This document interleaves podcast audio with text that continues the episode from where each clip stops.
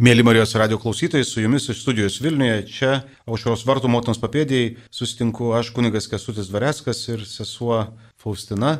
Kartu atsinešėm žurnalą kelionė, norėsim su jumis šią valandėlę jį pavartyti ir pasidalinti savo atradimais ir džiaugsmais, e, ruošiant šį numerį ir padrasinti, paskatinti pačius atsiversti šį žurnalą. Žurnalas kelionė, kaip žinote, yra katalikiškas žurnalas, ketvirtinis žurnalas, kas tris mėnesius pasirodantis bažnyčioje ir visuomenėje.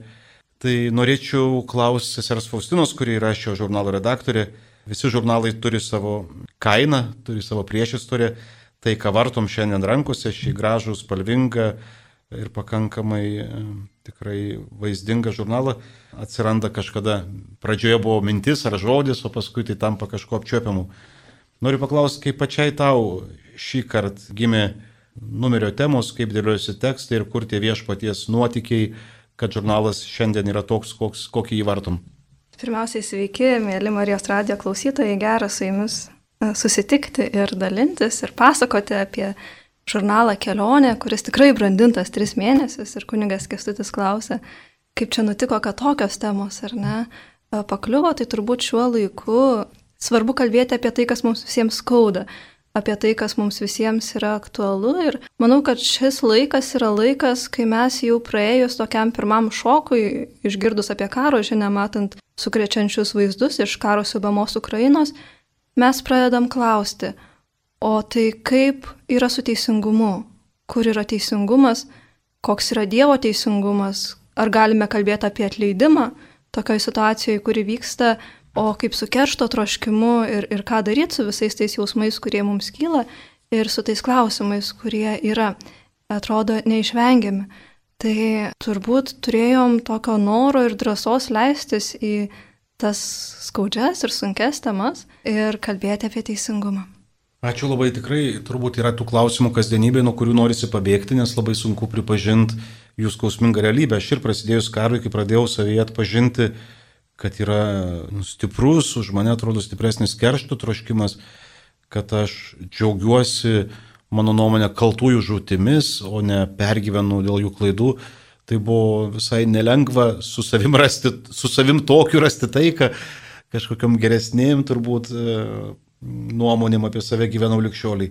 Tai labai džiaugiuosi ir aš, kad šitam numerį, kaip ir kituose numeriuose, stengiamės nebėgti nuo skausmingų realybės klausimų, Bet kita vertus mane džiugina šitame žurnale taip pat, šiame numeryje taip pat, kad nesistengiama kažkokių pigių, seklių atsakymų, kurie tampa lozungais ar ten kažkokiu dar vienu pabėgimu nuo klausimų.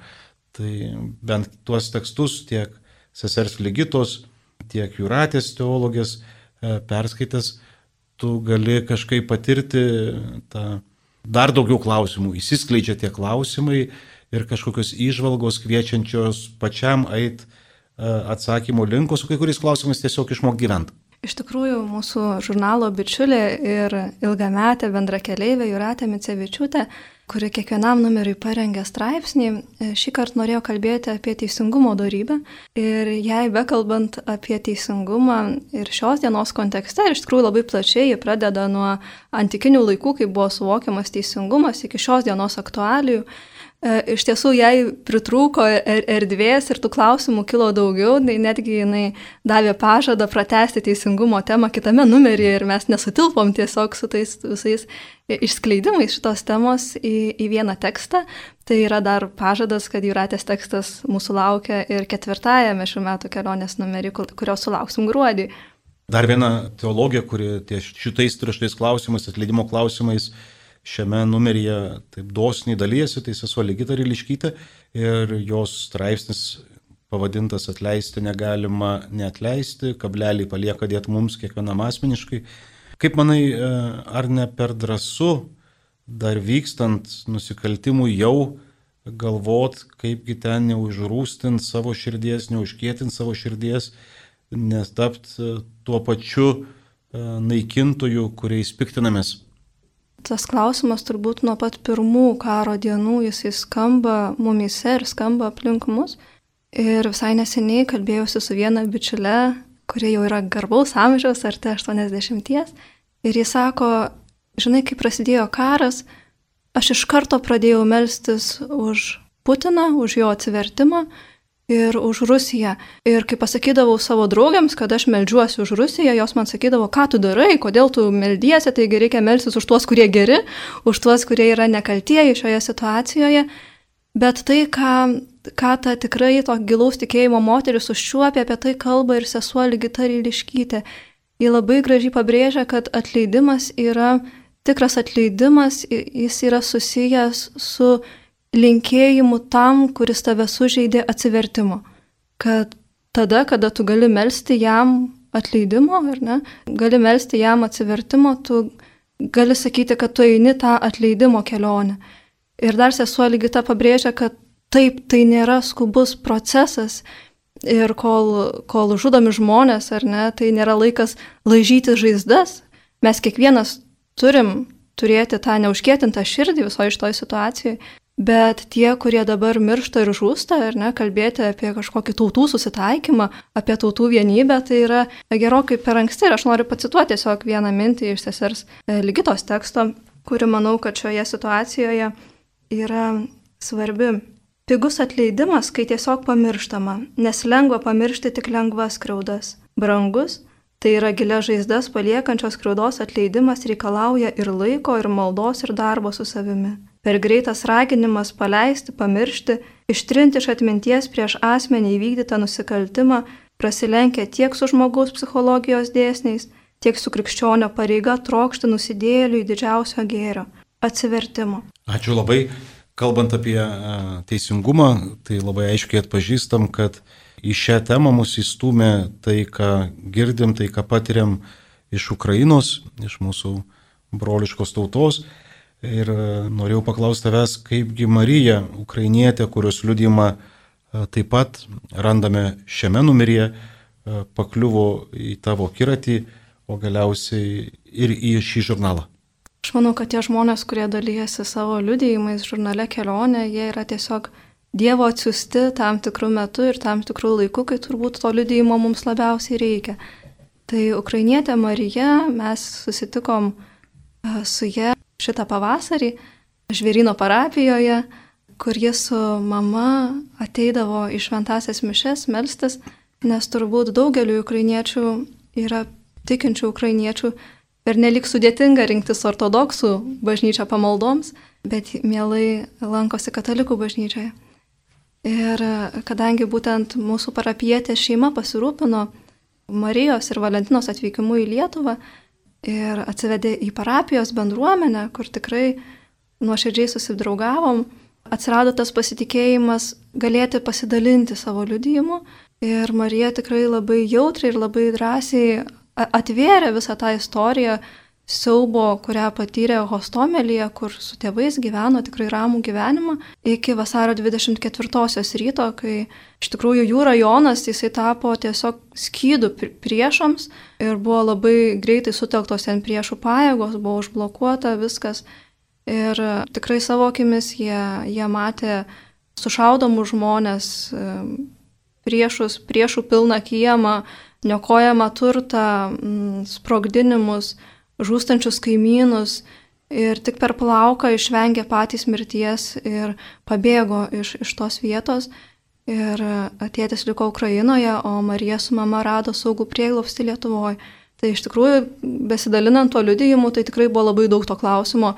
Tai kaip yra su tuo atleidimu, tai kaip yra su tuo keršto troškimu, Ir labai tikra, kad Marija tikrai, jinai, būdama gera krikščionė, nesistengė sakyti, ne, ne, aš nejaučiau jokio keršto, jinai sako, buvo tas laikas, kai aš norėjau visus rusus iššaudyti, ar ne, bet atėjo tas, tas metas, kai, kai širdis aprimo ir, ir aš girdžiu gailestį jos balse, kai jinai sako, kad tai kokie yra tie žmonės, kokie vargšai yra tie žmonės, kurie su tankais įsiveržia į mūsų miestą, vagia mūsų koinės.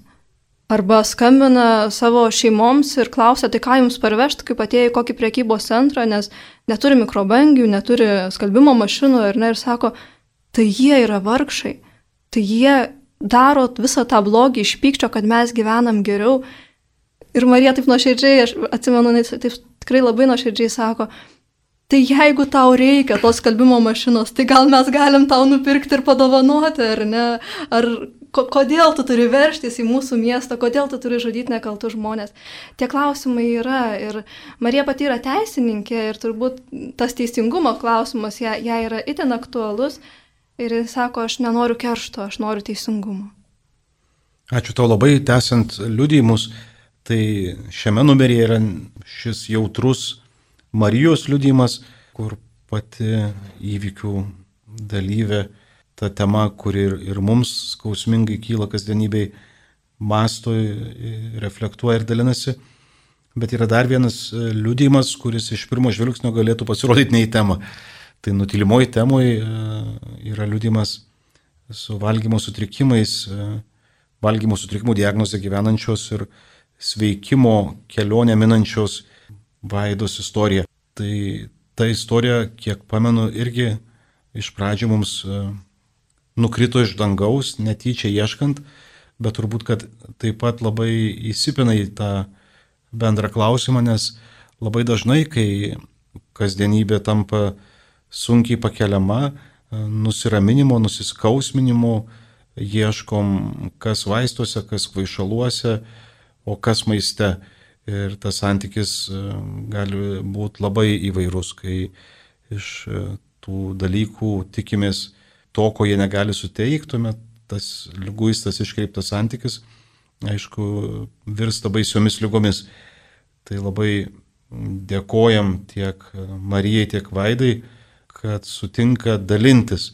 Kartais liudymai, kuriuose nėra kažkokių labai aiškių didaktinių momentų ar, ar kažkokio mokymo pretenzijų, tiesiog savo kasdienybę, savo skausmingų pastangų praskleidimas yra ir paraginimas mums patiems, skaistantiems šį žurnalą, ar ruošiantiems, ar skaitantiems šį žurnalą, peržvelgti savo dienas ir savo santyki su agresoriais, savo santyki, kur mes tos ramybės bandom pasisemti. Iš tikrųjų, ta kova, jinai vyksta visais frontais ir visais lygmenimis. Ir teisingumo mes galime ieškoti savo kasdienybei, taip pat savo, savo poelgiuose. Ir vienas iš tų rodiklių yra ir mano teisingas santykis su kūrinyje ir taip pat su maistu, ar ne, su tuo, su tuo, kas mane maitina. Ir iš tikrųjų, gal man pačiai teko mažiau susidurti su šiomis problemomis, bet aš buvau labai nustebinta, kiek skausmo išgyvena žmogus kovojantis su valgymo sutrikimais. Atrodo, na kas čia tokio, valgyti ar nevalgyti, ar ne? Atrodo, tai nėra toks didelis dalykas kaip žūtys, vėžys ar ne, lygos kažkokios karai. ypatingos, karai, bet iš tikrųjų tai, tai yra didžiulė vidinė kova ir tai, kuo dalinosi Vaida, jinai kalbėjo apie vidinį pragarą, kuriam tu esi, kur sukasi visos tavo mintys, tik tai, tik tai apie tai, kaip iškovoti tą kovą.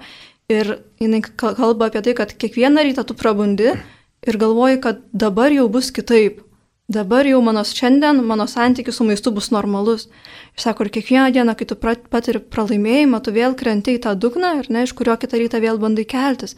Ir e, ta problema dažnai yra tokia stigmatizuojama ir žmonėms baisu apie ją kalbėtis. E, baisu pripažinti, kad aš turiu vienokį ar kitokį valgymo sutrikimą, kad aš nesusitvarkau ir bandau visas gyvenimo problemas, kaip sako Vaidas, spręsti savo lėkštėje.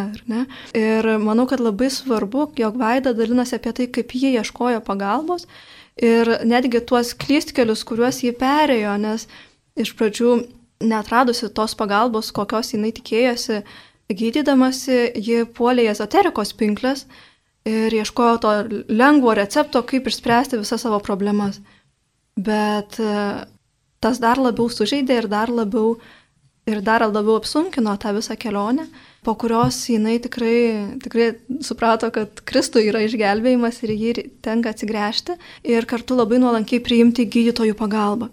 Ir kas manau iš tikrųjų labai svarbu yra tai, kad šio teksto pabaigoje tyrimos temos pabaigoje yra sudėti kontaktai visų pagalbą teikiančių institucijų, įstaigų, grupių, kur galima drąsiai kreiptis pagalbos, nes ši pagalba žmogui labai reikalinga ir iš tikrųjų tiek anoreksijos, tiek bulimijos problema yra labai gaji, o ypač jaunimo ir paauglių tarpe. Tai manau, kad tėvams, kurių vaikai turi šitą problemą arba turi sergančių artimųjų, būtų labai aktualu klausyti, skaityti Vaidos liudėjimą. ir turbūt jo ieškotų išeičių, galbūt ne, nebūtinai jos atitiks įsivaizdavimą, bet visuomet nustebęs, kad ten išjudėti iš savo to mirties taško ir, ir nustot neikti problemą ir gal mažiau jos gėdintis, nepaisant to, ką, ką aplinka manys.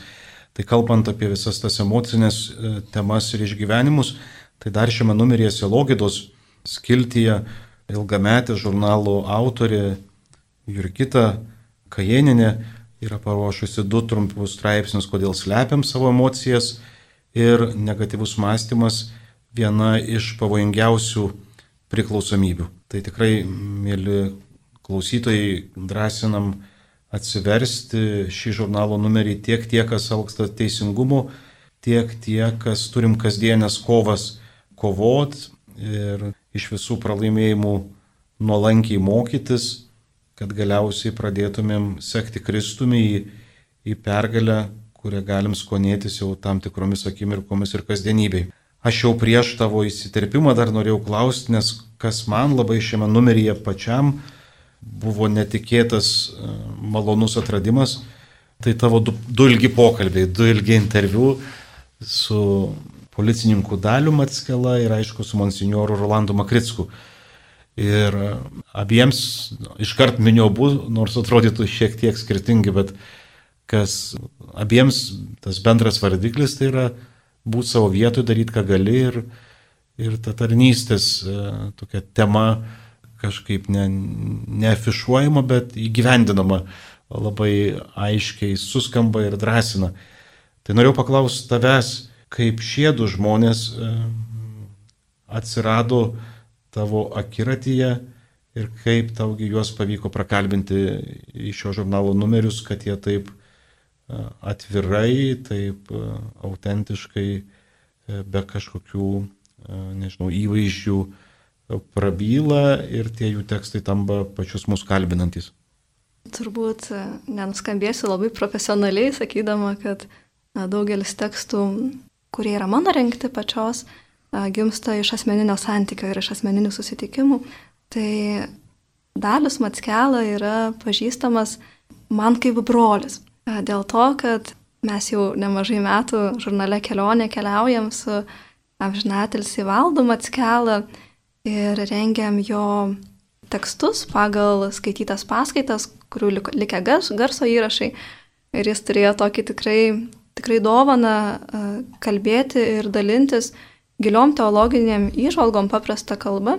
Aš greitai sutrepsiu ir šitame numeryje, e, rasim ir, ir jo brolio tekstus, kuriuos jūsų jo žmona paruošė, tai Marija iš Magdalos, legendinė ir istorinė asmenybė. Taip, iš tikrųjų, tai e, šitas žurnalas ypatingas tuo, kad čia yra net du matskelos ir jie yra broliai, ar ne, ir, ir tikrai valdo tekstas apie Mariją Magdalietę vertas, vertas dėmesio, ir man pačiai buvo labai naujas apžvelgimas ir naujų atradimų, bet dabar sugrįžkim prie pokalbio, ar ne? Tai, tai vėlgi santykis su valdu atėjo per asmeninę istoriją. Valdas yra mano dėstytojas, mano magistrinio darbo vadovas, kuris iškeliavo pas viešpatį, nebaigęs vadovauti šitam darbui, bet paskui baigė lydėdamas jį maldą ir tiesiog nuostabu tai, kad valdas dar prieš mane da, besidarbavusiam redaktoriui Gediminui Kajenui mano akivaizdoje pažadėjo kiekvienam numeriui parengti po vieną tekstą.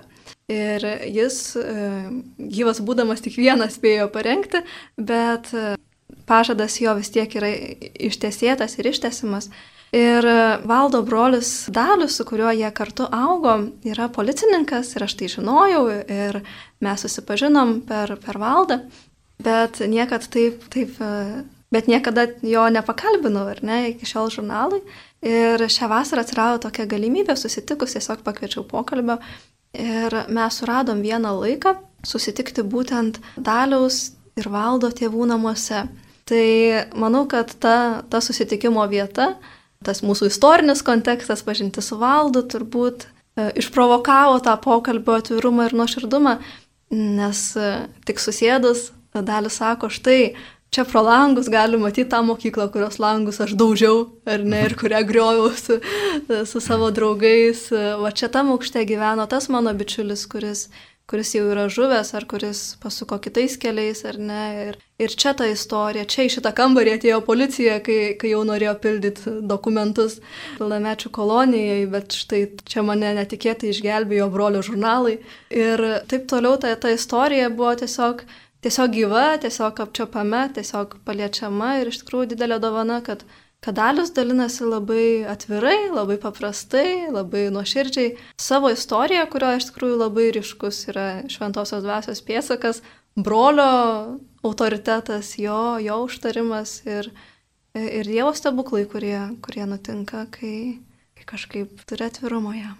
O man sakau, dar labai Daliaus e, pokalbėje patinka ta tokia paprastumas turbūt.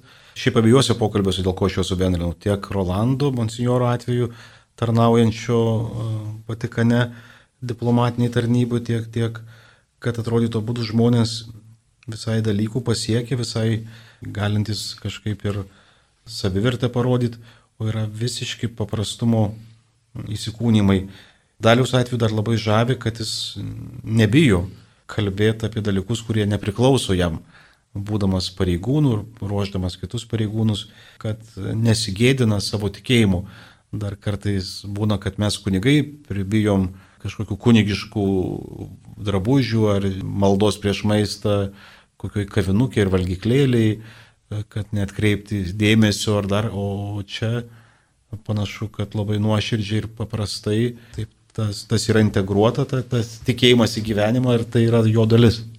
Man atrodo, kad tas pavadinimas pokalbio sutvertas daryti, jis labai, labai gerai taikliai pasako daliaus charakterį, jo būdą ir jo pašaukimą, ar ne? Jis, jis tiesiog daro, yra dar daugybė dalykų, apie kuriuos mes nepakalbėjom šitam pokalbį ir nebespėjom apriepti ir jis tikrai, tikrai nepasakojo bet jis tikrai rūpinasi be galo jaunimo ūkdymu, organizuoja vaiko ir tėvo savaitgalius, žygius, stovyklas, vyriškumo stovyklas berniukams ir jų tėvams ir taip toliau.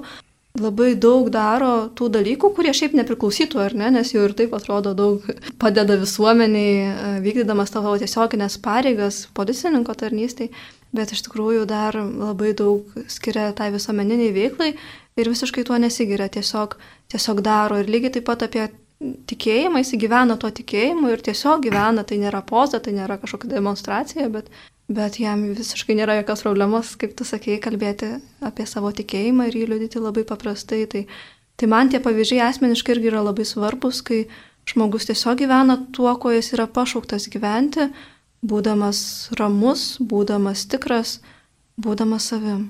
Labai ačiū, žinai, liaudės išmintį, sako, trečias kartas, nemeluoja, tai iš trečio karto bandysiu tave kažkaip nuvesti iki monsinjoro Rolando į Vatikaną, kuriame, kaip suprantu, įvyko pokalbis. E, ne dėl to, kad neįdomu tai, ką sakai, bet e, žvelgiu į laikrodį, kuris negailestingai liudija, kad jau pusė laidos praėjo, o dar turbūt kelis tekstus šiek tiek palėtėme.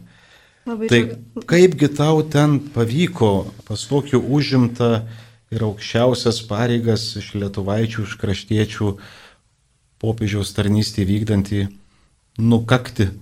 Reikėjo iš tikrųjų vienos labai svarbios rekomendacijos, tai yra kunigo Kestučio Dvaresko rekomendacija.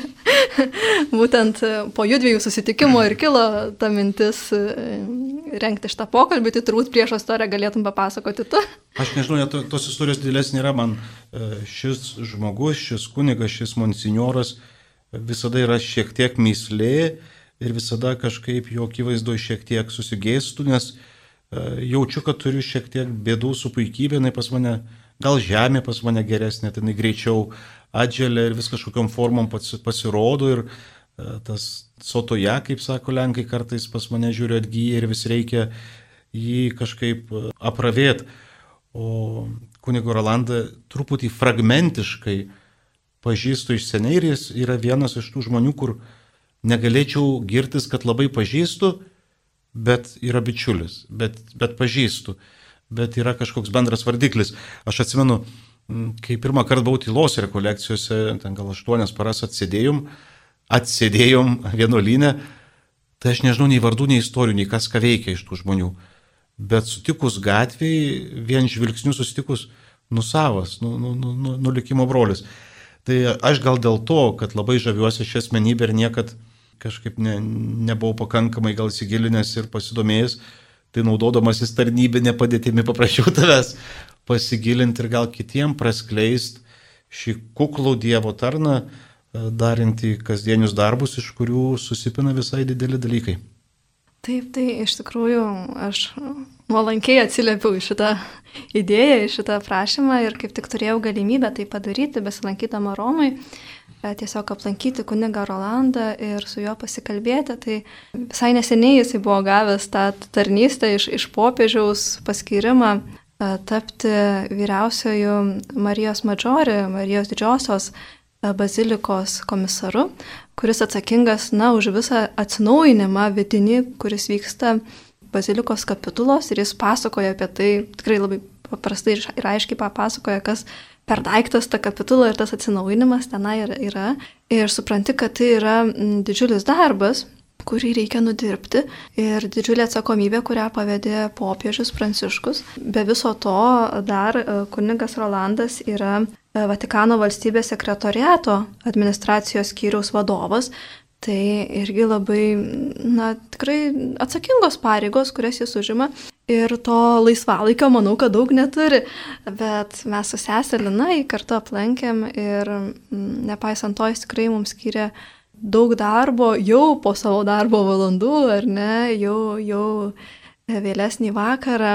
Ir nors tas tam veidė tikrai buvo nemažo nuovargio, bet labai nuoširdžiai ir parodė e, Marijos Madžiori bazilikos turtus ir e, labai dosniai pasidalino savo gyvenimu, savo žvilgsniu, savo istoriją, savo gimtųjų biržų atsiminimu, savo vaikystės svajonėmis, kurios lietė aviaciją ir, ir tą troškimą skraidyti.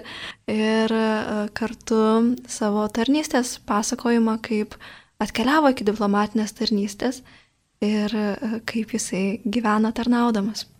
Ačiū labai, tai tikrai viliuosi, kad e, skaitant pokalbį su monsinjoru Rolandu, visi kažkiek įkvėpsim to paprastumo ir kartais mažesnius uždavinius e, spręsdami gysim nuo susireikšminimo ir darysim tai, ką galim.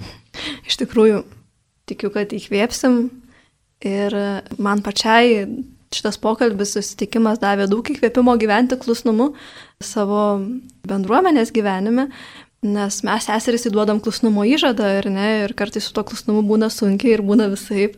O, na, kunigai tarsi kitaip, ar ne, jie pasižada tą paklusnumą bažnyčiai, bet neduoda tokio įžado kaip vienuoliai, o kunigo Rolando pavyzdžiui, aš matau visišką paklusnumą ir visišką pasitikėjimą Dievo valia, kur besiūstų, ten eisiu, kur reikės ten tarnausiu. Štai esu Afrikoje, štai dabar Amerikoje, ar ne, štai Islandijoje, ar ne, štai Vatikane ir kokias pareigas begausiu, aš prisijimu, nes jeigu popiežius pasitikė, kad aš galiu tai padaryti, aš ir pasistengsiu tai padaryti geriausiai, kaip galiu. Ir jokių menkavertiškumo kompleksų, kaip mes mėgstam, ne, negaliu, nepajėgsiu, mhm. žinai, paprašykit tris kartus, ar ne, na, ir taip toliau. Tai, tai man yra toks tikrai, nu, va, Dievo kario pavyzdys ir, ir klusnumo pavyzdys. Ačiū. Sesė Faustina, aišku, dar begalės kitų temų tiek teisingumui, tiek nuo medos gafertaitės apie teisingą Dievo teismą, apie blogio problemą, apie tapsmą žmogumi, bet šalia visų tų gražių teologinių, religinių, psichologinių tekstų kelionė niekaip neįsivaizduojama ir be kultūros, ir be pokalbio su menininkais, ir be seistikos, ir poezijos. Tai kuogi šis numeris pradžiugins tuos kultūros gurmanus. Taip, tikrai mes turim keletą puikių tekstų. Pokalbiuose apie kultūrą turim du pokalbius su menininkėm. Na, šį kartą toks moteriškas ar ne šitas, šitas kirelis mūsų. Ir pirmasis pokalbis yra su poete Indrė Valantinaitė, tai Antanas Šimkus pakalbino ją ir labai džiaugiamės, nes Vilniečiams tai Indrė turbūt gerai pažįstama ir jos ryškės spalvės garbanos gerai matomos dažnai gilestingumo šventoviai ir kitose jos mylimose šventovėse Vilniui. Ir šita poetė tikrai dalinasi savo ir tikėjimo patirtim, ir savo, ir savo gyvenimu, savo pasakoja apie savo pašaukimą, ar ne, kuris yra šiek tiek kitoks negu dvasininkų, bet nemažiau svarbus dalintis tuo, tuo grožiu ir kartu su Dievu kurti pasaulį per savo kūrybą. Tai turim tikrai e, gražų pokalbį su nuostabiom iliustracijom apie ją. Kitas pokalbis yra su menininkė, dailininkė Evelina Matusevičiūtė Tamkvaitinė, kuri savo slapyvardžiui pasirinkusi Eva Lauma vardą ir ją kalbina ją kalbino taip pat menininkė, balerina, baleto ekspertė Livija Gulbinaitė, su kuria sakiau, pačia būtų įdomu pokalbį parengti ir mes susipažinom. Tikrai, tikrai labai įdomi asmenybė ir e, tas jos grožio pamatymas irgi yra svarbus. Tai Evelina pasakoja apie savo kelią, apie savo pašaukimą, apie savo žvilgsnį į pasaulį ir kuo mane ypač, ypač džiugina šitas pokalbis, tuo, kad jame yra pakankamai erdvės darbams ir tuos tapybos, grafikos, fotomontažo darbus mes galim e, apžiūrėti ir e, tikrai tam yra skirta nemažai erdvės. Ačiū labai, tai aš matau, kad dar yra esi pačio Antano Šimkaus, kuris dosniai savo išvalgom ir darbais prisideda prie šio žurnalo kultūrinės e, dalies bet visiškai likus vos keletui minučių, norisi šios laidos keletui minučių, norisi dar pasidžiaugti ir gal kiek netikėtų šventumo kvapsnių esam pripratę, kad dažniausiai jame mes e, susipažįstam su viena ar kita asmenybė, iš kurios semėmės įžvalgų, kaip patiems spręs savo klausimus, kad nenužmogėti ir kaip sekti Kristumi kasdienybei. O šį kartą e, gal gali pasakyti, kuo pasa... tas kvapsnis kitoks? Aš, tur, aš turbūt pasakysiu, nes jeigu tu kestuti pasakysi, tai turbūt nelabai tiks prie tavo priklausomybių, mm, žodžiu, konsultanto įvaizdžio, ar ne? Nes pavadinimas šio straipsnio tikrai skamba intriguojančiai, tai yra belgiškos pasakos apie šventuosius ir jų šunis, vilkus, velnius ir alų. Tai ką šventieji turi bendro su alumi, ar ne, iš karto gali kilti klausimas. Ir tikrai jame rasite atsakymų ir labai įdomių šventųjų istorijų ne tik apie šunis, bet ir apie alų. Tai šį kartą tikrai labai nuotaikingas yra šitas tekstas šventumo kvapsnio, kurį parašė rašytoja Agnė Žagrakalytė.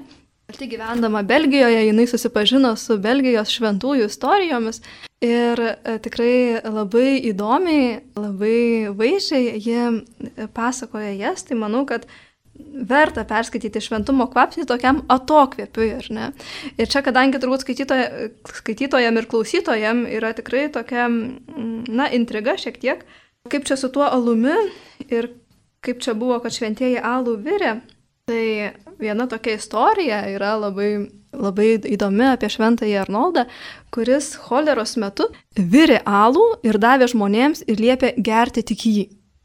Ir iš tikrųjų tie žmonės, kurie gėrė alų, jie nemirė nuo choleros, nes jis buvo virintas, ar ne? O tie, kurie gėrė tiesiog vandenį, tai žmonės vargšai užsikrėtė ir, ir mirdavo. Tai alus pasirodo išgelbėjęs daug žmonių gyvybių. Tai Gal taip ir. Aš kaip priklausomybių konsultantas norėčiau šitą temą kažkaip jau ir dėti daug taškį, nes alkoholis yra ir išgelbės, ir paėmęs. Žiūrint, ko iš jo tikimės ir ką su juo darom.